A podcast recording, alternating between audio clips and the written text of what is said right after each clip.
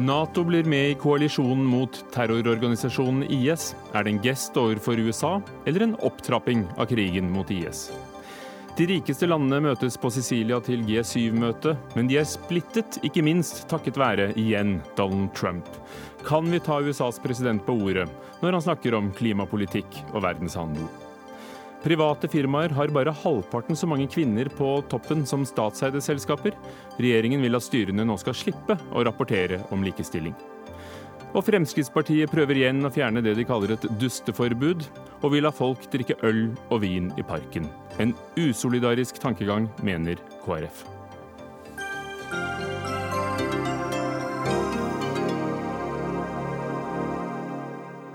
Velkommen til Dagsnytt 18 med Hugo Fermariello i studio.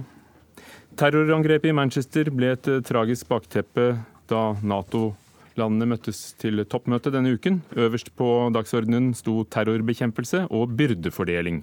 USAs president tordnet mot Nato-land han mener ikke bidrar nok til alliansen, og sa at flere land skylder USA store pengesummer. Og Torsdag bekreftet generalsekretær Jens Stoltenberg at Nato går inn i kampen mot terrororganisasjonen IS og blir en del av den koalisjonen som nettopp USA leder. Thomas Slensvik, orlogskaptein og leder av Forsvarets høgskoles mediegruppe. Alle Nato-landene er jo allerede med i denne koalisjonen. Hva blir annerledes når Nato selv blir med? Det store forskjellen her nå er jo mest en politisk og signalet man gjør med å ta Nato med i denne koalisjonen. Så er det noen eh, praktiske forordninger. Man har noen ressurser som Nato har, som overvåkningsfly, luft-til-luft-tanking eh, og en del eh, etterretningskoordinering som de kan bidra med her. Men det er først og fremst et verktøy, for alle nasjonene er vant til å samarbeide gjennom NATO sitt rammeverk. De har prosedyrer, de har infrastruktur som de kan benytte her for å koordinere denne innsatsen som de ellers har måttet koordinere direkte og som egne land inn bilateralt mot denne koalisjonen. For eh, Stoltenberg har allerede sagt at Nato ikke vil stille kampstyrker til rådighet.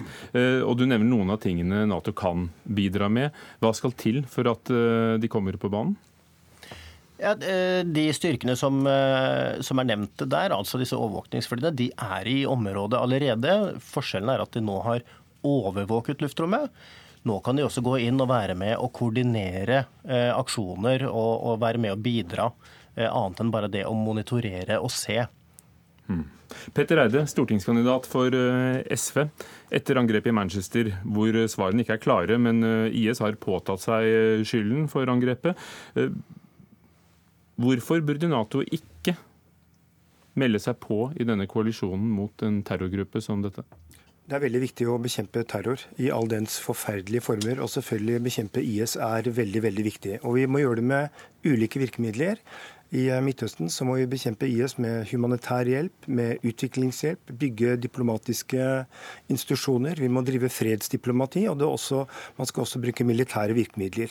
Ved å sette inn Nato eh, i denne kampen, så gir man et svært uheldig signal. Og Da forteller man at den eneste måten å bekjempe IS på, det er ved militære virkemidler. Den absolutt eneste måten er å bruke militære virkemidler. Mens det finnes et vel andre verktøy i den, i den verktøykassen. Så det signalet som her gis, det er at den eneste måten å bekjempe IS på, det er militære virkemidler. Og det som er farlig med det, det er, at, det er, at, dette vil skape en høyst uoversiktlig situasjon. Jeg er redd for at dette signalet vil bidra til å ytterligere radikalisere folk både i eh, IS og i, i omgivelsene rundt IS, og kanskje også bidra til å rekruttere folk inn i IS. For de opplever nå at her er det en samlet Nato, en samlet Vesten, som nå ønsker å gå til krig i dette området. Det risikerer vi, og at det blir vondt verre. Hårek Elvenes, eh, fra Høyre, medlem av Stortingets eh, justiskomité. Nato er en forsvarsallianse. Hvorfor støtter du at, eh, at også alliansen av de landene som uansett er med på denne koalisjonen, skal markere seg på denne måten? Riktig. Nato er en forsvarsallianse. Vi ser at Europa har vært under angrep fra ISIL-terror gjennom mange år. Eh, Nato er en eh, forsvarsallianse bestående av 28 land, og vi ser at det ene landet etter det andre blir angrepet av IS som en profesjonell terrororganisasjon. Eh, hva skal man bruke Nato til hvis ikke Nato skal eh, håndtere denne situasjonen? Det brukes en rekke andre virkemidler i tillegg til eh, å bruke det militære. Eh, men man må heller ikke overdrive dette. Siden 2001, siden angrepet på Twin Tower i, i USA, så har faktisk bekjempelse av terror stått høyest på Natos eh, tiltaksliste. Det som skjedde i går, var jo på en måte en reaktualisering av spørsmålet, der Stoltenberg igjen presiserte at Nato må ta ansvar i terrorbekjempelsen. Og Det har jo Nato gjort. Nå står det 13 000 soldater i Afghanistan, og det er ikke uten grunn. Det er også for å forhindre at Afghanistan forblir et arnested for terror som vi har sett har ramma Europa. Så jeg vil jo si til SV dette er jo naivt, det er på grensa til ansvarsløs. Men på annen side så vet vi at SV er mot Nato, så jeg tror at uansett hva man hadde brukt Nato til, så hadde SV kommet til å kritisere det.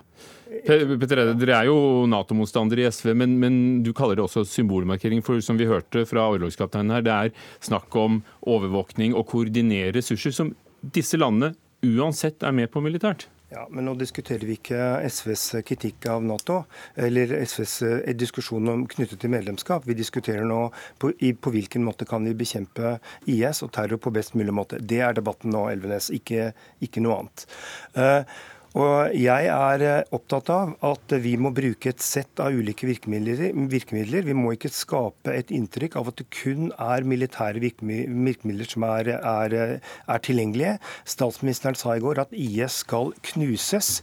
Dette leses i Midtøsten som om at det kun er knallharde militære virkemidler som skal til. Det kan bidra til økt rekruttering, og det kan også bidra til, eh, til eh, økt mobilisering og økt, eh, og til, økt mobilisering til, men, til, IS. Men blir det mer militært av at overvåkningsfly settes inn, og at den militære deltakelsen som allerede er der, blir koordinert? Vi må, vi, eh, her er det viktig at vi holder oss til, til, hva som er fakta. Jens Stoltenberg var veldig tydelig på det i går. Det er ikke snakk om et økt styrkebidrag, heller ikke fra, norske, fra norsk side. Det er heller ikke snakk om at kommandolinjene skal endres. Det skal fortsatt være Inherent Resolve, den amerikanskledede kommandolinjen, som Nato skal inn i. Det er ikke slik at Nato skal overta dette på noen som helst måte, men Nato skal gå inn som en koordinert, organisert enhet eh, i en avtale med USA i kampen mot IS. Slik har jeg eh, forstått eh, oppsettet det signalet det sender til Midtøsten altså vi må, vi må, tenke på, Dette handler ikke om hvordan vi betrakter dette, Elvenes. Det handler om hvordan det ble betraktet i Irak og i Syria. Og Jeg er engstelig for at dette vil bli betraktet som en, en slags en, en, type, en, type, opptrapping som kan trekke folk flere eh, inn i IS og bidra til å radikalisere miljøene rundt IS. Det som er litt uh, skremmende, det er jo at SV setter likhetstegn mellom Midtøsten og IS. Altså IS er en uh, gruppe som uh, har sitt uh, utspring i Irak og Syria, og som nå er i ferd med å bli nedkjempa nettopp gjennom militære midler. Hvis man ikke hadde intervenert militært, så hadde du sett et IS på fremmarsj i Midtøsten. Og da kunne man i verste fall ha kommet i en slik situasjon at man kunne ha satt likhetstegn mellom IS og Midtøsten. Heldigvis så ser det ut slik at man ikke kommer i denne forferdelige situasjonen, og det skyldes at man har anvendt makt. Og dette er så alvorlig at faktisk maktmiddel må anvendes, jo, men... i tillegg til de mange andre virkemidlene som blir, blir, brukt. Nå sier jo Stoltenberg at det er ikke styrker Nato skal bidra med. Og er ikke dette eh, en symbolpolitikk hvor Nato blander seg inn i det som du nettopp punkterte er et uoversiktlig bilde i Midtøsten, med stor splittelse og mange grupperinger. I koalisjonen som nå er i ferd med å eh, å drive IS tilbake, så deltar jo faktisk flere Nato-land. Men de gjør det på vegne av sitt eget land, men ikke som en Nato-medlemsland i, i, den forstand. Eh, så her er det på en måte litt sånn eh, mer eh, teoretiske skillelinjer man er i ferd med å, å, gå opp. Men vi må huske på at når eh, Twin Tower ble angrepet i 2001, så ble altså Natos artikkel 5 utløst. Det ble sett på som et angrep på hele alliansen. Der samtlige land måtte være rede til å stille opp for USA hvis det hadde blitt kalla på. Så, og var det uheldig, Petter Eide? Så alvorlig er denne situasjonen. Og det er det vi ser i Europa også. Var det uheldig for rekrutteringen til terrororganisasjoner? Ja, definitivt. Det skapte jo en voldsom rekruttering til ulike terrorgrupper rundt omkring i verden.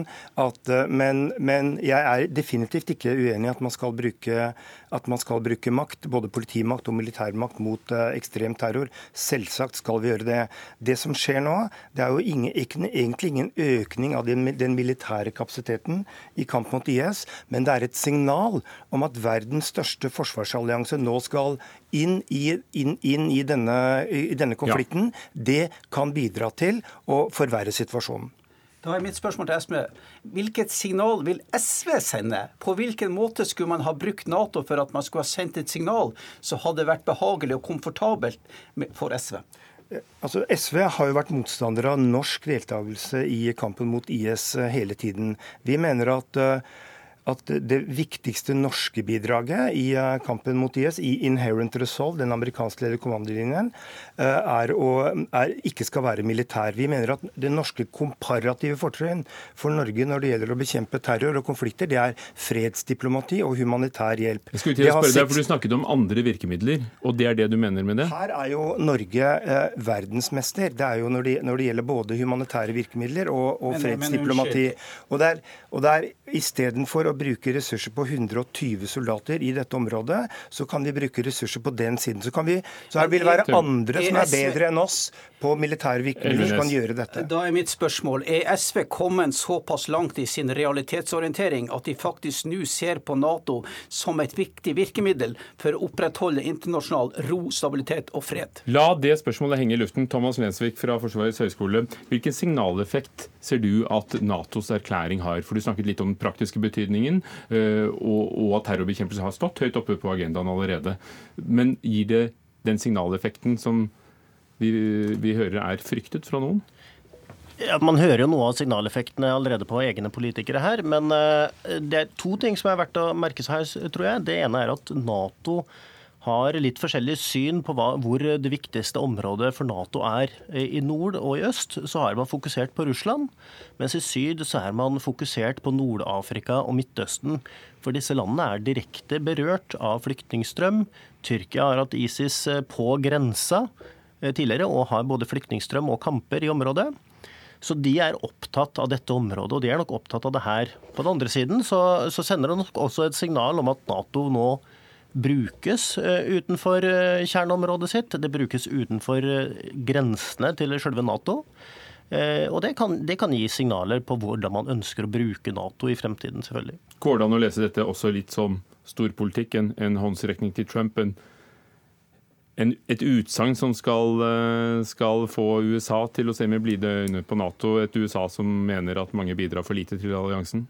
Ja, det, er, jeg usikker på, det skal ikke jeg spekulere i. Men man må huske på at eh, det man skal ha her, er en eh, handlingsplan mot terrorisme. Det er ikke kun dette med å bli med i denne koalisjonen.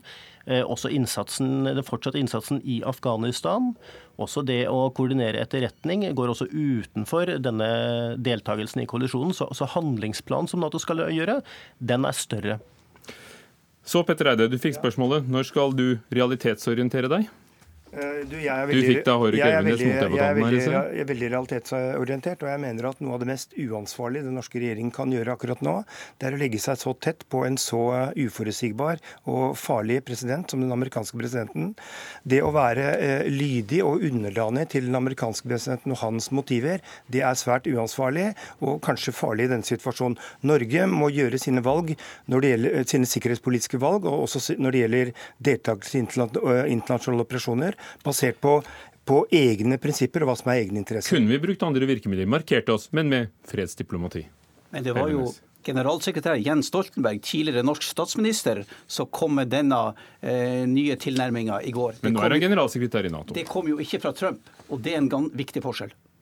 Kunne Norge brukt andre midler og markert oss? Norge bruker jo en rekke midler. Vi har bl.a. en handlingsplan mot radikalisering som har vakt internasjonalt omsikt som eh, utenlandske statsledere har kommet til Norge for å se nærmere på. Og vi støtter nærområdene i Midtøsten med betydelige midler for å bygge opp institusjoner og styresett. Vi spiller på hele virkemiddelapparatet, men enkelte ganger må man faktisk bruke makt fordi at det er så alvorlig det man står overfor.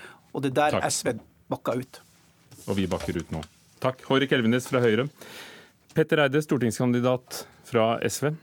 Og Thomas Lensvik eh, fra Forsvarets høgskoles mediegruppe, orlogskaptein.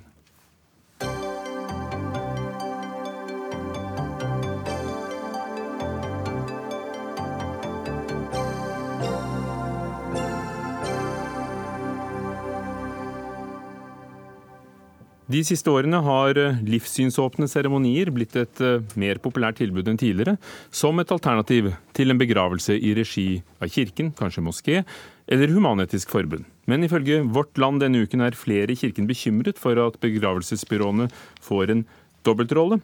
For hva skjer når en begravelsesagent skal presentere de forskjellige alternativene overfor sørgende pårørende? Øystein Dale, avdelingsdirektør for kirke og samfunn i KA, som er arbeidsgiverorganisasjonen for kirkelige virksomheter. Du har påpekt at dette blir en dobbeltrolle. Hva, hva er problemet? Hva er dobbeltrollen? Eh, når vi har mista en av våre nærmeste, så eh, er det veldig godt å gå til et begravelsesbyrå. De hjelper oss med alle de praktiske tingene som vi må ordne opp i i forbindelse med et dødsfall. Og I tillegg så er de en formidler eh, mellom de pårørende og de ulike tros- og livssynssamfunnene. Når de nå i økende grad begynner sjøl å tilby eh, seremonitjenester, begravelsesritualer, så blir de en konkurrent med en av sine nærmeste samarbeidspartnere. Og det er krevende for de pårørende å vite at eh, den du skal få råd til valg av seremoni, samtidig er selger av egne tjenester. Lars Svanholm, daglig leder i Svanholm begravelsesbyrå i Trondheim. Ja, hvordan presenterer dere alternativene når noen kommer og har mistet noe? Nei, vi, vi, snakker jo alltid om å møte de pårørende. og Det vi alltid har gjort nå siden Stoltenberg-regjeringa la fram den statlige livssynsåpne gravferdstilbudet sitt, det er jo at vi legger det fram på lik linje som vi legger fram kirkelig seremoni og humanistisk seremoni. For det er jo de tre formene som er mest vanlige i Norge i dag. Men, men hva, hva, består de For de kom altså i 2012, da Anniken Huitfeldt var statsråd, en, en veileder for livssynsåpne seremonier. Eh, men hva er det? Eh, sånn som vi forstår det, og sånn som de pårørende ønsker å ha det til oss, det er at de ønsker å sette opp sin seremoni i henhold til sånn som avdøde har levd sitt liv. Altså, De ønsker å skape god uh, minnestund, de ønsker å minnes den avdøde. Kanskje uten noe rituale, eller kanskje ha med litt rituale. Uh, og Det som har vært tidligere i kirka, det er jo at det har vært litt opp til presten og kantoren hva de godkjenner. og Dermed så har det på en måte blitt eh, mer aktuelt med livssynsåpent, der pårørende på en måte setter eh, retningslinjene sjøl. For det er altså de som ikke ønsker at Human-Etisk Forbund skal gjøre det, eller da Kirken og Øystein Dale. 90% av begravelsene er det Kirken som står for. Og når folk har altså ti dager ifølge loven på å bestemme seg, altså en gravferd skal arrangeres i løpet av ti dager, er det ikke greit å få litt hjelp til de som ønsker et alternativ fra, fra Kirken? Jo, absolutt. Og det er viktig at eh, alle kan få eh, ta avskjed med sine på en måte som er i tråd med deres eget eh, livssyn og egne ønsker. Og Sånn sett så vil jeg støtte fullt ut at man får et ordentlig tilbud for de som ikke ønsker å benytte seg av de tjenestene som gis av bl.a. Kirka og Human-Etisk Forbund. Det jeg stiller spørsmålstegn ved, er om begravelsesbyråene er det rette til å gjøre det. I og med at de har sånn, er et mellomledd mellom de pårørende og trossamfunnene. Da blir de en konkurrent, og det kan sitte både de pårørende og samarbeidspartneren til, til begravelsesbyråene i en litt vanskelig rolle. Ser du det, Svanom, at det er jo ikke bare hjelper dere, men det er jo også dere da som kan leie ut et lokale og, og skaffe en seremonimester. For det er jo ikke alle som som kjenner en egnet person? Nei da, den ser jeg veldig godt. og Begravelsesbyråene og kirka har jo samarbeid siden 1800-tallet. og Jeg mener jo fortsatt at det fungerer helt utmerket. Ehm, Når det er sagt, så finnes det ikke noe alternativ per i dag på livssynsåpent. Altså, du kan leie inn en fra teatret, du kan ha en fra familien, eller en skikka person fra begravelsesbyrået. Kostnadsmessig så er det en veldig veldig liten del av en gravferd. Tjener dere penger på det? Ja, vi tjener et par tusen kroner på å forrette, men det er også et kjempestort ansvar i forhold til samtalen med pårørende, å sette opp minneord, gjennomføringa. Så vi har jo satt pris på om det kunne komme inn en annen aktør, for å si det på den måten. Mm. Øystein Dale, kunne dere gått andre veien? Kunne dere organisert både kisteannonse og snitter til minnestunden?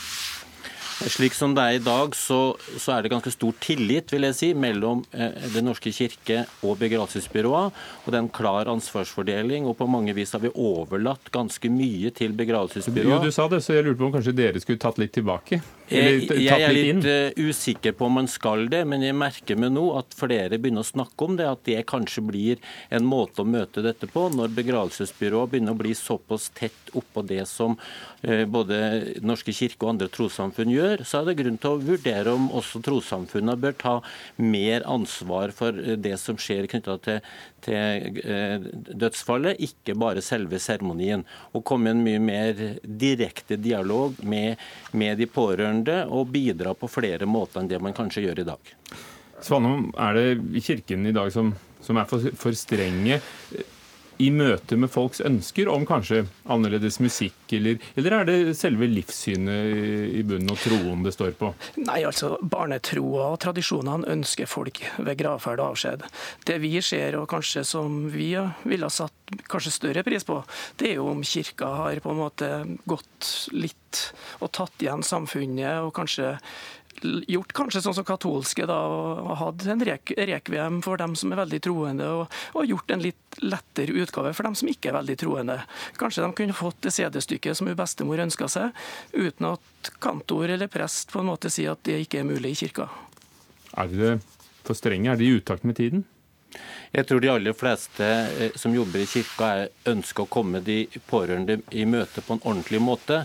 Eh, men det går nok noen vandrehistorier på at man kan være litt, eh, si, litt begrensende. Men det, her er det jo viktig at eh, begravelsesbyråer snakker ordentlig og finner løsninger og etablerer dialogen med trossamfunnene. Har du fått høre det om det motsatte? Jeg har nok eh, fått inntrykk av at eh, mange er si, raskt med å tilby egne tjenester, framfor å gå i en ordentlig dialog med, med Norske kirke og andre trossamfunn om å finne løsninger når f.eks. folk har ønsker om en spesiell musikk eller en spesiell sang eller et eller annet spesielt bidrag. Mange ting går an å finne en løsning på, men det krever litt ekstra dialog og en, en samtale.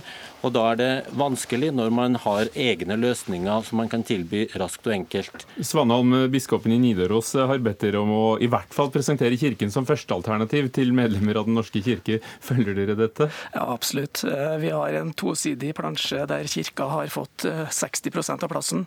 Eh, så vi gjør absolutt det, og vi spør også alltid om avdøde var medlem i trossamfunn. For hvis avdøde er medlem i trossamfunn, så er det jo naturlig å ha det i, i, i, i deres regi. Mm. Dere har 90% av begravelsen i kirken fortsatt, ifølge Vårt Land. Eh, er dere litt redd for at definisjonsmakten glipper mellom fingrene på dere, Dale? Nei, jeg tror Norske kirke kan bare opprettholde den sterke oppslutninga på gravferd ved å levere gode tjenester som folk setter pris på. Og eh, forbruker, eller Brukerundersøkelser viser at vi har stor tillit på dette området. Norske kirke er god på å håndtere eh, kriser og, og, dødsfall, og det tror vi står seg på, på sikt, at vi gjør dette på en måte som kommer de eh, pårørende i møte på en god måte. Takk skal dere ha, begge to. Øystein Dale fra arbeidsgiverorganisasjonen KA, og Lars Erik Svanholm, daglig leder i Svanholm begravelsesbyrå i Trondheim.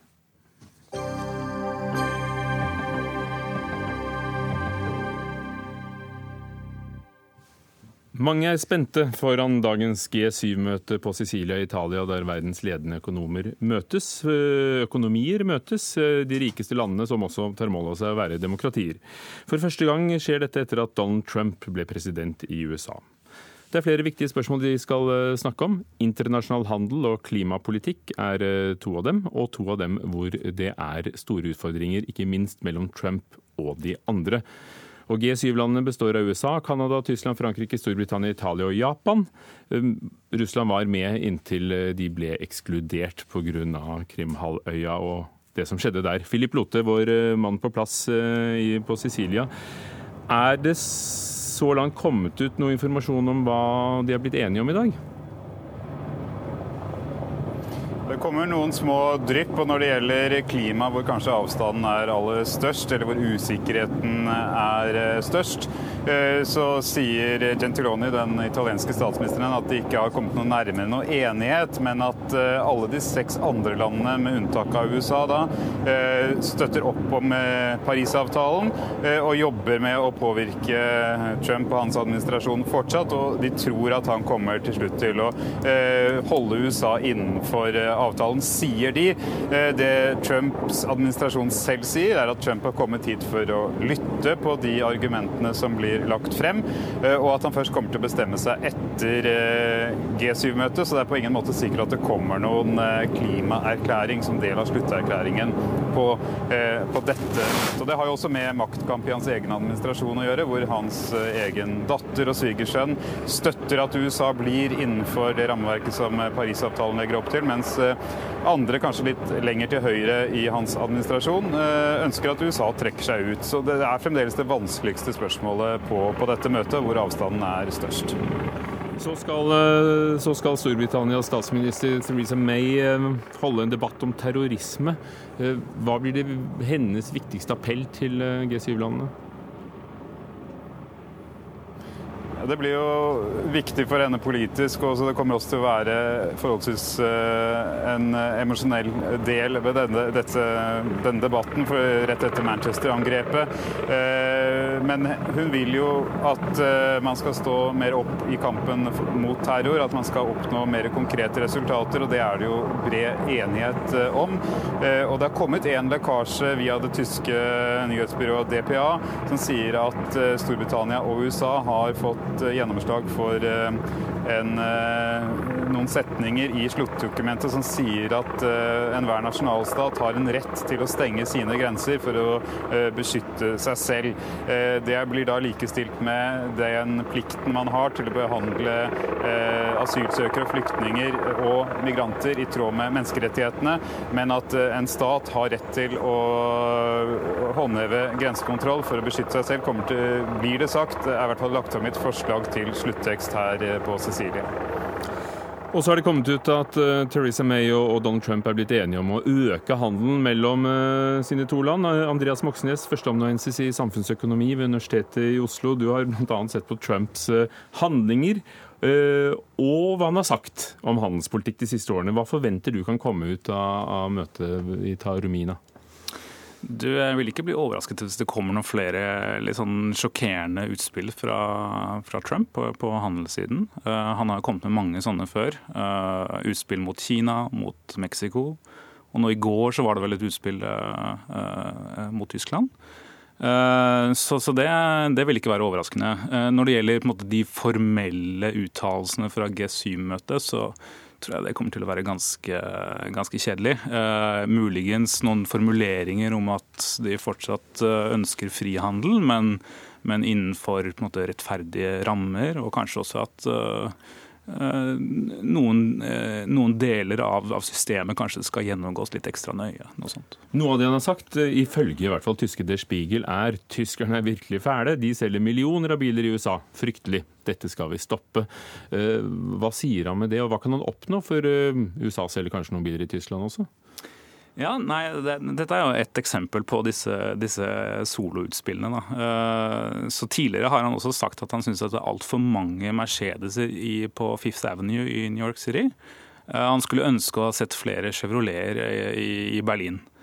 Um, så og dette, Disse utspillene kommer på bakgrunn av at administrasjonen ser at det er bilaterale handelsunderskudd. Så Det betyr at uh, tyskerne selger mer til USA enn det USA selger til Tyskland. Og Dette er, er uh, noe som de reagerer på, og så, som syns at uh, man må gjøre noe med.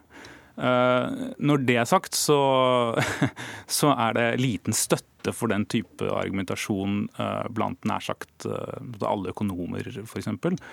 Så dette er mer, mer symbolpolitikk og, og prat egentlig enn en realiteter. Men noe av det pratet som ble lagt veldig merke til, ikke minst før eh, presidentvalget, var eh, at han ville si opp eh, TPP-avtalen, som han har gjort. Altså dette Trans-Pacific Partnership, med handelsavtale mellom tolv eh, land i, Asia, Nord- og Sør-Amerika. Og så vil han nå reforhandle denne NAFTA-avtalen mellom Canada og Mexico, ja. Nord-Amerika.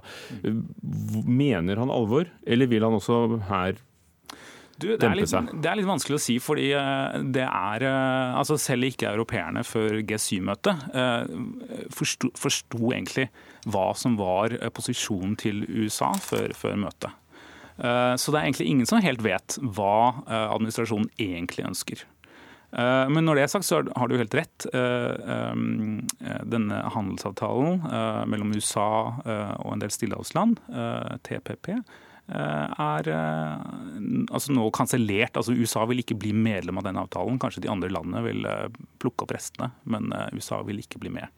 NAFTA, så handelsavtalen mellom USA og Mexico, som, som har vært altså siden 1994, skal nå reforhandles. Fordi Trump mener at den også da er urettferdig og gir, gir mer til meksikanerne og canadierne enn til amerikanerne. I tillegg så ser vi også at WTO, handelsorganisasjonen, er, står så svakere enn det det har gjort før. Uh, fordi signalet fra, fra, Det hvite hus er at de vil legge mindre vekt på å, å, altså, bruke handelsorganisasjonen når det er disputter i internasjonal handel. Philip Lotte, G7-møte, mange viktige mennesker. Du er der. Hva betyr det egentlig? Det er, det er jo en uformell klubb, egentlig. Det er en uformell klubb, men det er jo da fire regjerings- og statsledere i syv av de viktigste landene her som møtes sammen for første gang. Det er det første møtet eh, for Gentiloni, som er Italias statsminister, for Macron, som er nyvalgt eh, president for Frankrike, eh, for Trump og for Theresa May. Så de tar og føler litt på hverandre. De tester hvordan de virker i, synergi sammen, hvordan de forskjellige argumentene påvirker hverandre. Sånn at de blir jo bedre kjent. og så skal legges eh, skal man jo komme fram til noen slutterklæringer som da gir visse føringer på, på, hvordan disse viktige landene kan eh, innrette seg politisk, og hvilken retning de vil legge seg på. Det, det har jo mye å si for hvordan verden skal styres fremover. Så det er, det er viktig, selv om det ikke er noe formelt beslutningsorgan eh, som sådan. Så er det jo store spørsmål de tar opp, og bl.a. når det gjelder da migrasjon, forhold til Afrika, utviklingsland som kommer i morgen, som er da det siste avsluttende temaet her. Så det er Eh, det er viktig, selv om spenningene denne gangen og motsetningene er større enn kanskje på noe G7-møte på veldig lenge. Og så skal de altså ta og føle på hverandre, som du sa. Takk skal du ha for det bildet. Philip Lote, korrespondent i Taormina, Andreas Moxnes, førsteamanuensis fra Universitetet i Oslo i samfunnsøkonomi.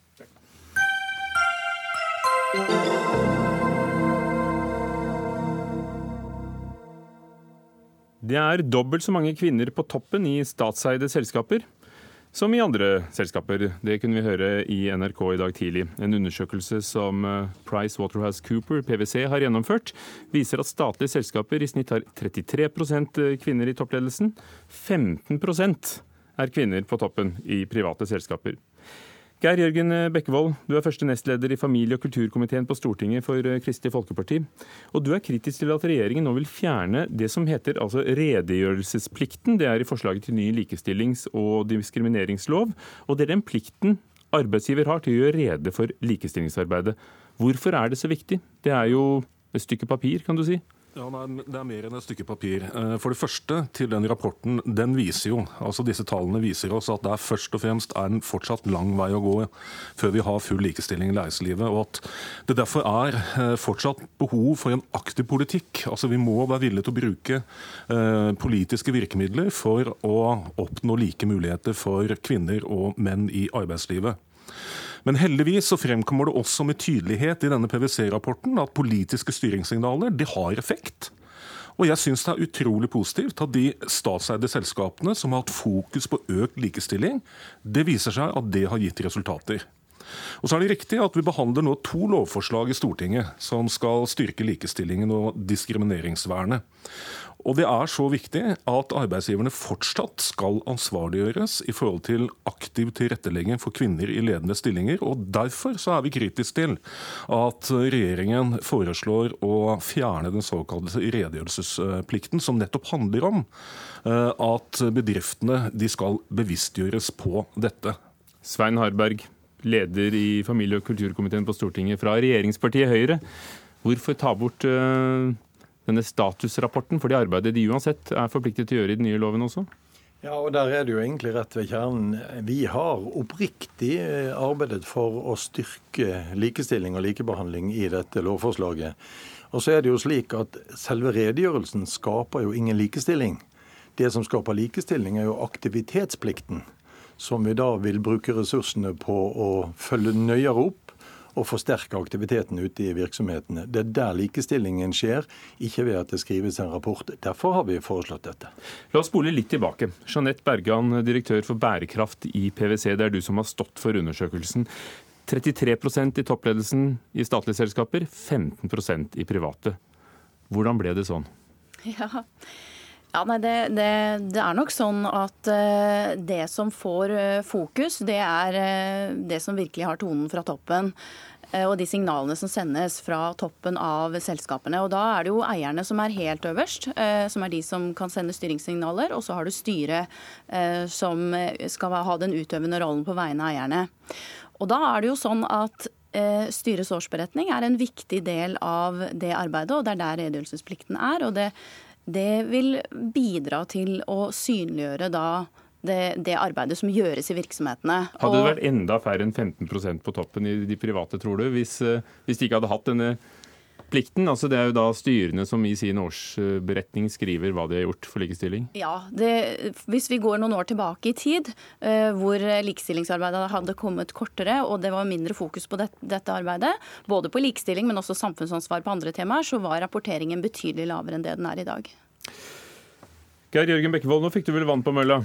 Ja, og jeg vil bare tilbake til det som Svein Harberg snakker om. Jeg syns det er flott at aktivitetsplikten blir opprettholdt. Men eh, dersom denne aktivitetsplikten ikke skal eh, følges av en redegjørelsesplikt, da blir jo den aktivitetsplikten egentlig veldig lite mye verdt.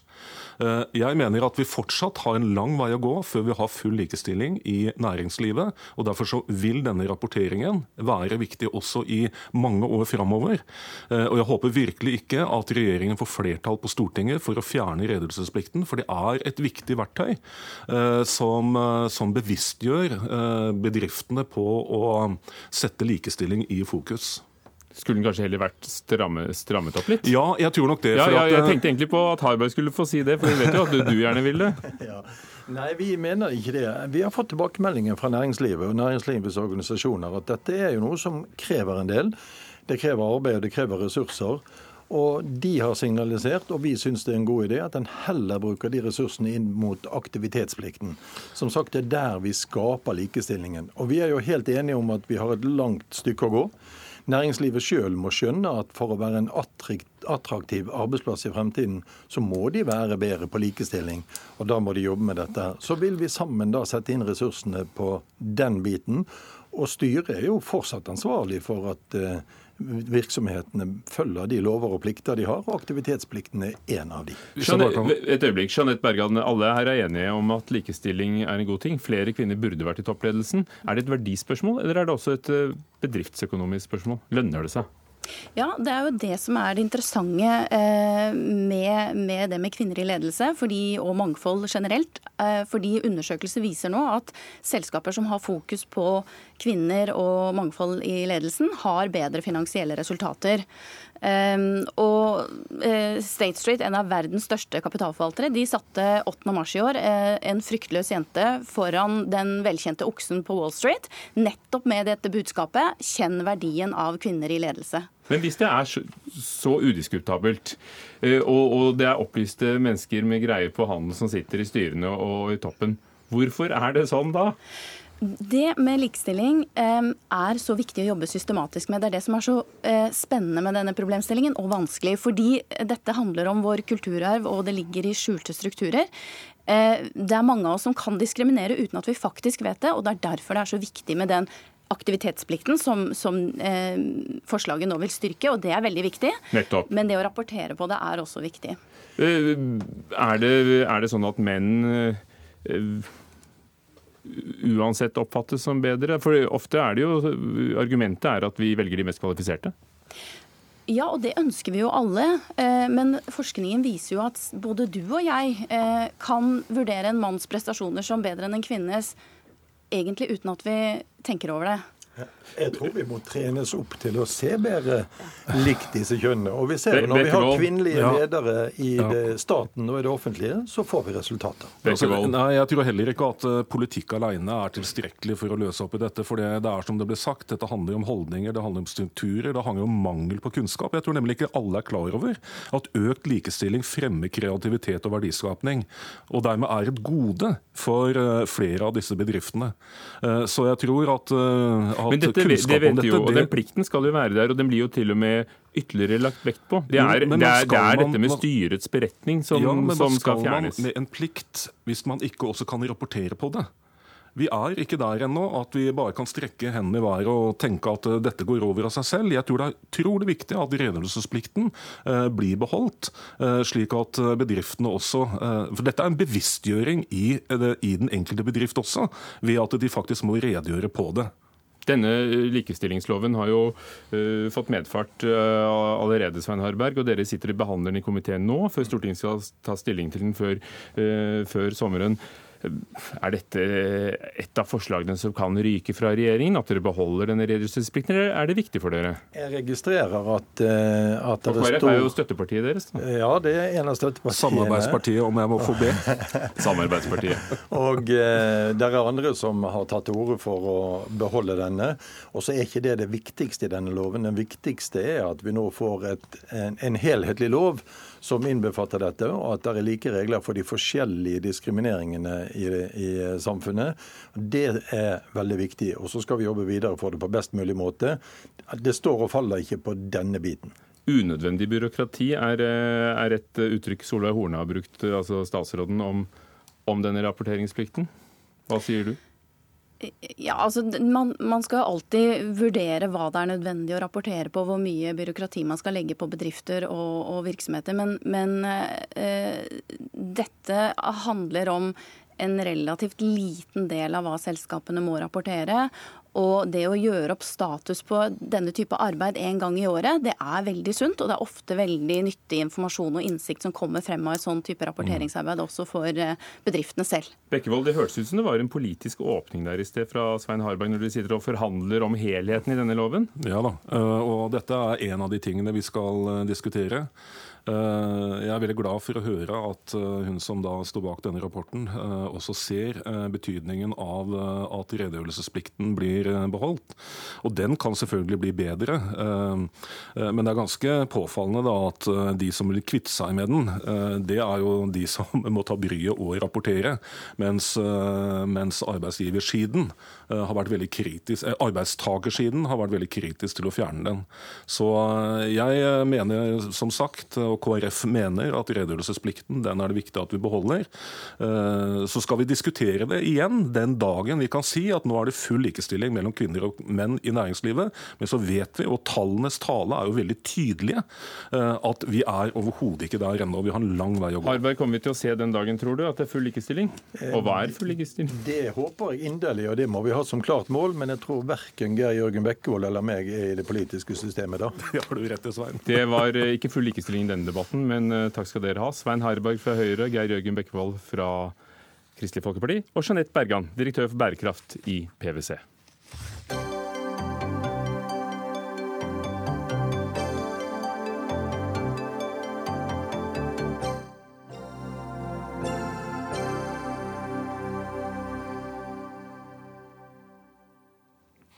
Gamle mennesker må få ferdigmat. Og nå skal vi snart høre hvorfor noen mener det. Om ti år blir det dobbelt så mange nordmenn som er over 67 år gamle. Til sammen 1,2 millioner av oss vil være over 67 om ti år. Og Derfor må eldre få ferdigprodusert mat fra store sentralkjøkkener. Det er den beste måten å gi folk næringsrik mat på etter egne ønsker og behov. Og Det skriver Matforskningsinstituttet Nofima i en kronikk i Aftenposten denne uken. Dagbjørn Skipnes, seniorforsker i Nofima. Eh, kan du forklare hvordan dere har kommet til denne konklusjonen at vi skal ha noen store kjøkkener som lager mat til alle landets eldre? Vel, Det vi har kommet fram til, det er at her er det behov for å ta i bruk alle de metodene som i dag er tilgjengelig, spesielt det som har kommet med ny teknologi. Og en av de nye teknologiene som, eh, som ikke er så veldig ny lenger heller, forresten, det er sovid-teknologien. Eller vakuumpakket. Vakuumpakket, og så varmebehandla i vakuumpakken. Eh, her har blitt veldig populært. Det er noe som de mest matinteresserte driver med hjemme på kjøkkenbenken. Det er noe som norsk industri har drevet med på kjølte ferdigretter i en 20 års tid nå. Og det er en veldig effektiv måte for oss å lage mat også i, eh, i institusjonssektoren. Eh, ved siden av andre teknikker som kok kjøl-metoden f.eks., hvor en tar og tilbereder maten, kjøler den ned og så pakker den etterpå. Mener du at maten i dag ikke er god nok? Eh, det vi ser, det er at eh, kanskje så mye som 60% er underernært i dag. Da er det noe som er gærent. Eh, det er ikke nødvendigvis fordi at maten som de får i dag er dårlig. I dag så produseres maten for øvrig både i store sentralkjøkken og delvis i produksjonskjøkken på hver enkelt institusjon.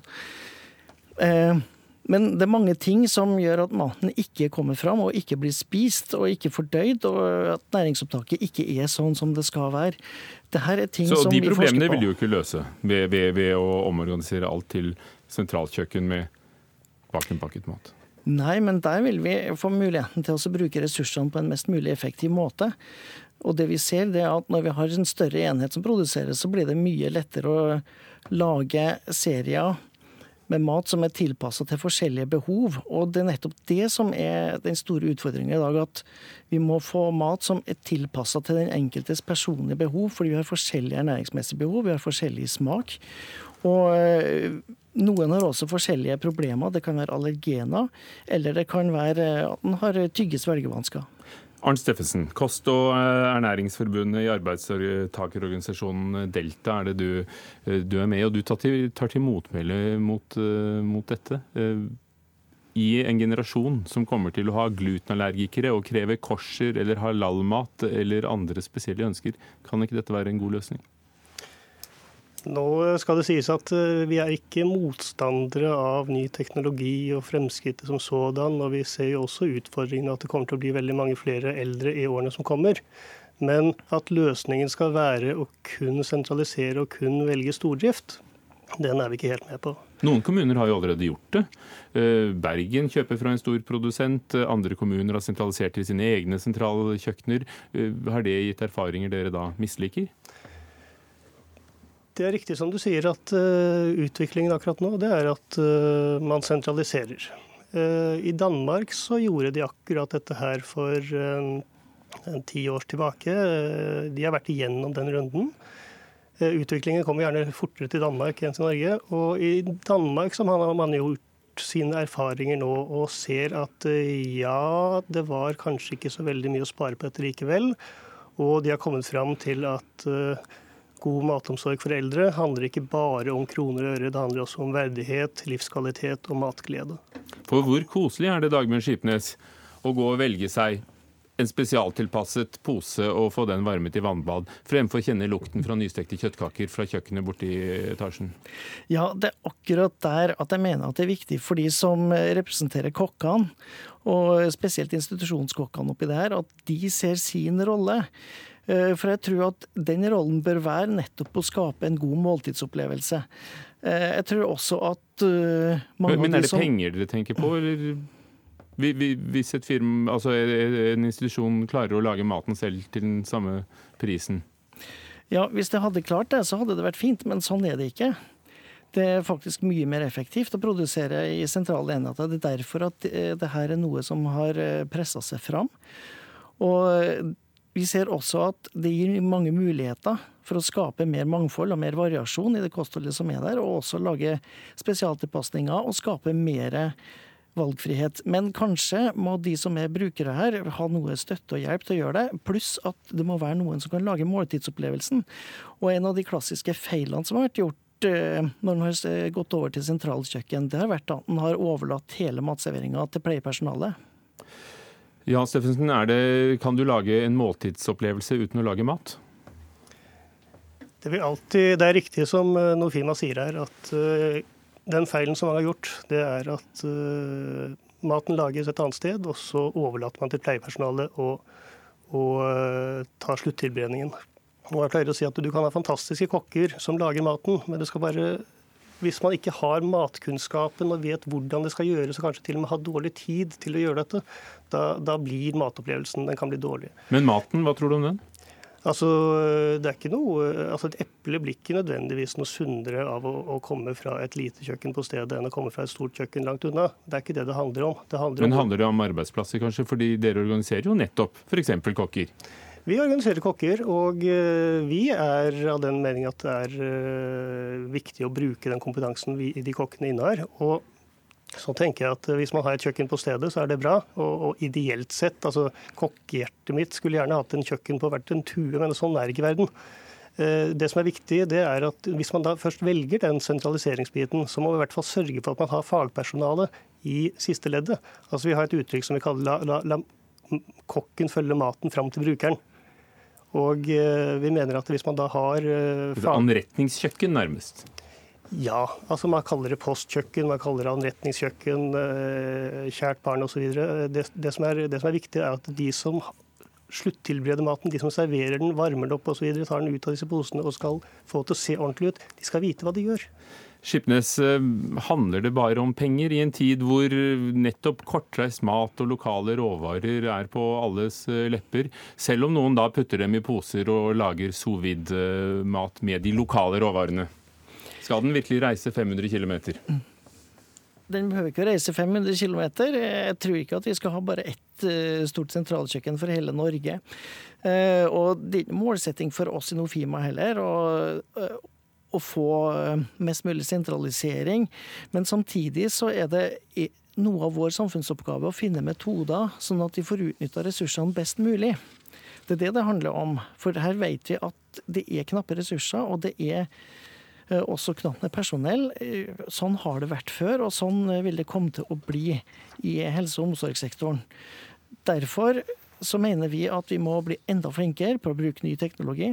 Vi må bli flinkere i å få fram hva som er ønskene og de reelle behovene til de her brukerne. Men kan du love en kokk helt og, i siste ledd? Ja. Kan du love at det står en kokk og gjør klar siste, den siste, siste spissen på maten? jeg kan i alle fall love for at det er noe som vi vil tilråde, og som eh, vi vil arbeide for. Takk skal dere ha, begge to.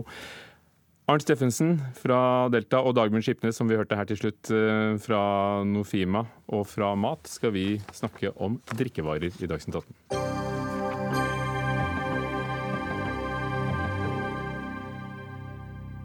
Sommeren står eh, for døren, for noen er den allerede her, og mange tar seg gjerne en øl, eller et glass vin i solen, og det i en park. Da bryter uh, folk loven. Nå ønsker Fremskrittspartiet å fjerne forbudet, som de mener har utspilt sin rolle for lenge siden, som Vårt Land skriver om denne uken. Folk vil kunne drikke øl, vin og annen alkohol opp til 22 volumprosent i parker og friluftsområder om FrPs forslag går igjennom. Sivert Bjørnstad, stortingsrepresentant. Du har sammen med tre andre enkeltstående representanter fremmet forslaget på Stortinget om å fjerne forbudet mot å drikke på offentlig sted, altså drikke alkohol. Hvorfor skal ikke parker få være et eh, fristed for de som ikke ønsker å ha fulle folk rundt seg? Det er fordi at eh, det her handler om eh, å tilpasse dagens praktisering av lovverket som ligger i dag. Parkpilsen har eh, kommet for å bli, og folk kommer til å fortsette med det uansett hva vi politikere på Stortinget nå sier i vår. Eh, jeg ønsker ikke å se på folk som tar seg en øl eller et glass vin til grillmaten i parken som eh, kriminelle. Jeg har gjort det sjøl. Jeg følte meg ikke som noe kjeltring da jeg gjorde det. Eh, så tror jeg også man må ta onden ved rotet. Det er virkelig ikke de lovlydige menneskene som eh, nyter et glass vin til pikniken i parken som er problemet. Problemet er dem som lager kvalm og forstyrrer alminnelig fred og orden. Og Det er dem man må ta. Og Vårt forslag handler selvfølgelig ikke om å gi de menneskene noe slags amnesti for det, men det har man jo altså andre lover og regler for å håndtere. Geir Jørgen Bekkevold, du er stadig med oss eh, fra Kristelig Folkeparti. Dere er ikke begeistret for dette forslaget som kom nå. Heller ikke for at Høyre foreslo at pils i parken skal bli lov i sitt nye eh, stortingsprogram. Men dette er jo et forslag som kommer år etter år i forskjellige fasonger. Hvorfor går dere imot? Nei, Vi vil eh, fortsatt advare mot å tillate drikking på offentlig sted. Det høres kanskje hyggelig ut og eh, uproblematisk ut med å åpne for pils i parken, men i prinsippet så åpner man da opp for at alkohol skal være en del av offentligheten på en helt annen måte enn det er i dag. Og så er det et faktum, dessverre, at det er ikke sånn at alle klarer å begrense seg. Og vi mener at parkene våre det skal være et hyggelig sted å være for familier som også har med seg barn. Og så vet vi at det er mange barn barn i Norge som blir utrygge ved voksnes omgang med alkohol. og Derfor så syns jeg at dette er ganske usolidarisk forslag. Eh, og Jeg håper virkelig ikke at det blir flertall på Stortinget for dette. Eh, vi vet at mange mennesker allerede i dag med dagens regler er plaga av støy fra fulle folk. Og en liberalisering her det vil bare medføre at Eh, flere blir plaga på ulike vis og på flere steder enn i dag. Men la oss høre med, med deg, Bjørnstad fra, fra Frp. Altså, nå er jo ikke Bekkevold den eneste som sier det. Også politimesteren i Oslo gikk ut i VG i går og kritiserte forslaget og sier at, at det blir mer fyll og bråk. Hvorfor hører dere ikke på politiet om dere ikke hører på KrF? Men, men når KrF eh, og Bekkevold sier at man åpner opp for noe helt annet enn i dag, så er jo ikke det riktig det, altså det, kan virke sjokkerende og overraskende for, for mange KrF-ere, men, men, dette skjer i dag. Folk drikker pils i parken i dag, og folk tar seg et glass vin i parken, og det går faktisk ganske fint. Og politiet håndhever det ikke. Eh, og, jeg, og det syns jeg for så vidt er bra, men jeg er prinsipielt imot at man skal ha sovende lover og paragrafer hvor politiet eh, subjektivt eh, sjalter og valter hva man skal håndheve og ikke. Eh, jeg mener også det handler prinsipielt om eh, hva politiet skal gjøre og ikke. Og så eh, tror jeg også det er feil, som Bekkevold sier, at, at det her vil skape større distanser mellom folk, og det vil være lite solidarisk. Altså, i, i, dag så går Det er jo en uh, Jeg mener jo at det er usolidarisk, uh, all den tid du også vet at det er veldig mange barn som kjenner på utrygghet ved voksnes omgang med alkohol. Og det å gjøre parken, som for barna i dag er en oase, til et sted hvor de skal kjenne på utrygghet, ja, da må du faktisk akseptere at jeg bruker uh, ord som usolidarisk med men, det forslaget men, men, som du disse, disse parkene som du kaller oaser, der sitter jo folk og drikker pils i parken i dag. Og, og, Hvis man kan gjøre det i dag og likevel kalle det en oase, så kan man vel gjøre det i fremtida. Bekkevold, Bekkevold se, hva vil du si til dem som sier, som Frp sier nå, som Høyre sa i 2005 at dette er en sovende paragraf. Det skjer hele tiden, det håndheves ikke. I 2011 var det 130 anmeldelser over hele uh, landet. Man skulle alltids ønske seg at, eh, at, eh, politiet hadde mer ressurser, slik at de også kunne følge opp dette på en bedre måte. For du ønsker at det burde men, vært håndhevet ja, sterkere? Ja, selvfølgelig. Eh, og, og, det handler om hva slags ressurser politiet har. Altså, vi vet jo at det naskes, Tror du ikke det handler om valgene de tar? Ja, hør meg nå. Det naskes mye fra butikker i dag. Men vi, vi tillater jo ikke at dette skal, skal, være lovlig kun fordi at politiet ikke har ressurser til å følge opp alle saker. Det syndes på norske veier ved farts fartsovertredelser hver eneste dag. Men vi opphever jo ikke fartslovene, eh, selv om politiet ikke er eh, til stede overalt. Og det er jo noe med at altså, sovende lover, det å kvitte seg med lover bare fordi at eh, politiet ikke har nok ressurser, da får vi sette inn ressurser. Og så en annen ting når det gjelder Frp sitt forslag, for det handler ikke om pils i park. De ønsker å tillate alkohol eh, opp mot 22% alkohol. Og da snakker vi ikke lenger om pils i park, da snakker vi om vin og hetvin. Og med tanke på eh, at det er ganske mange som har et problematisk forhold til alkohol, så tror jeg vi kommer til å se mange flere uheldige episoder i parkene våre hvis Frp sitt forslag skulle gå igjennom. Bjørnstad, pils, portvin, gin tonic ferdigblandet i parken? Ja, Nå vet ikke jeg hva slags gin du drikker, men jeg drikker ikke gin under 22% Ferdigblandet med tonic. Rus, jo, jo, men det, vil, det, er jo fortsatt alkoholen som bestemmer der. Og 22% er jo sagt, eller skrevet i forslaget fordi det er, man opererer med de volumklassene i alkohol man har. Dere har kalt det et dusteforbud, men, men det ser ut til å være ganske seiglivet. Tror du dere får det gjennom nå? Jeg, jeg, håper, jeg håper, jo virkelig for altså, Det er jo kjeltringene man må ta. altså Man må ta dem som lager støy og uro. Det er dem man skal ta. Man skal ikke ta dem som sitter og nyter et glass øl eller et glass vin i parken. Jeg syns det er ganske tragisk at Frp her nå ønsker å få gjennomslag for en politikk som handler om noen ganske få, som ønsker å ta seg denne gin tonicen eller ølen i parken. Takk skal dere ha. Vi må avslutte ja. på denne noten. Til Jørgen Bekke, Geir Jørgen Bekkevold fra KrF, Sivert Bjørnstad fra Frp. Det var Jarand Ree Mikkelsen som var ansvarlig for Dagsnytt 18, Finn Lie teknisk ansvarlig, Ugo Ferma Riello programleder. Takk for i dag.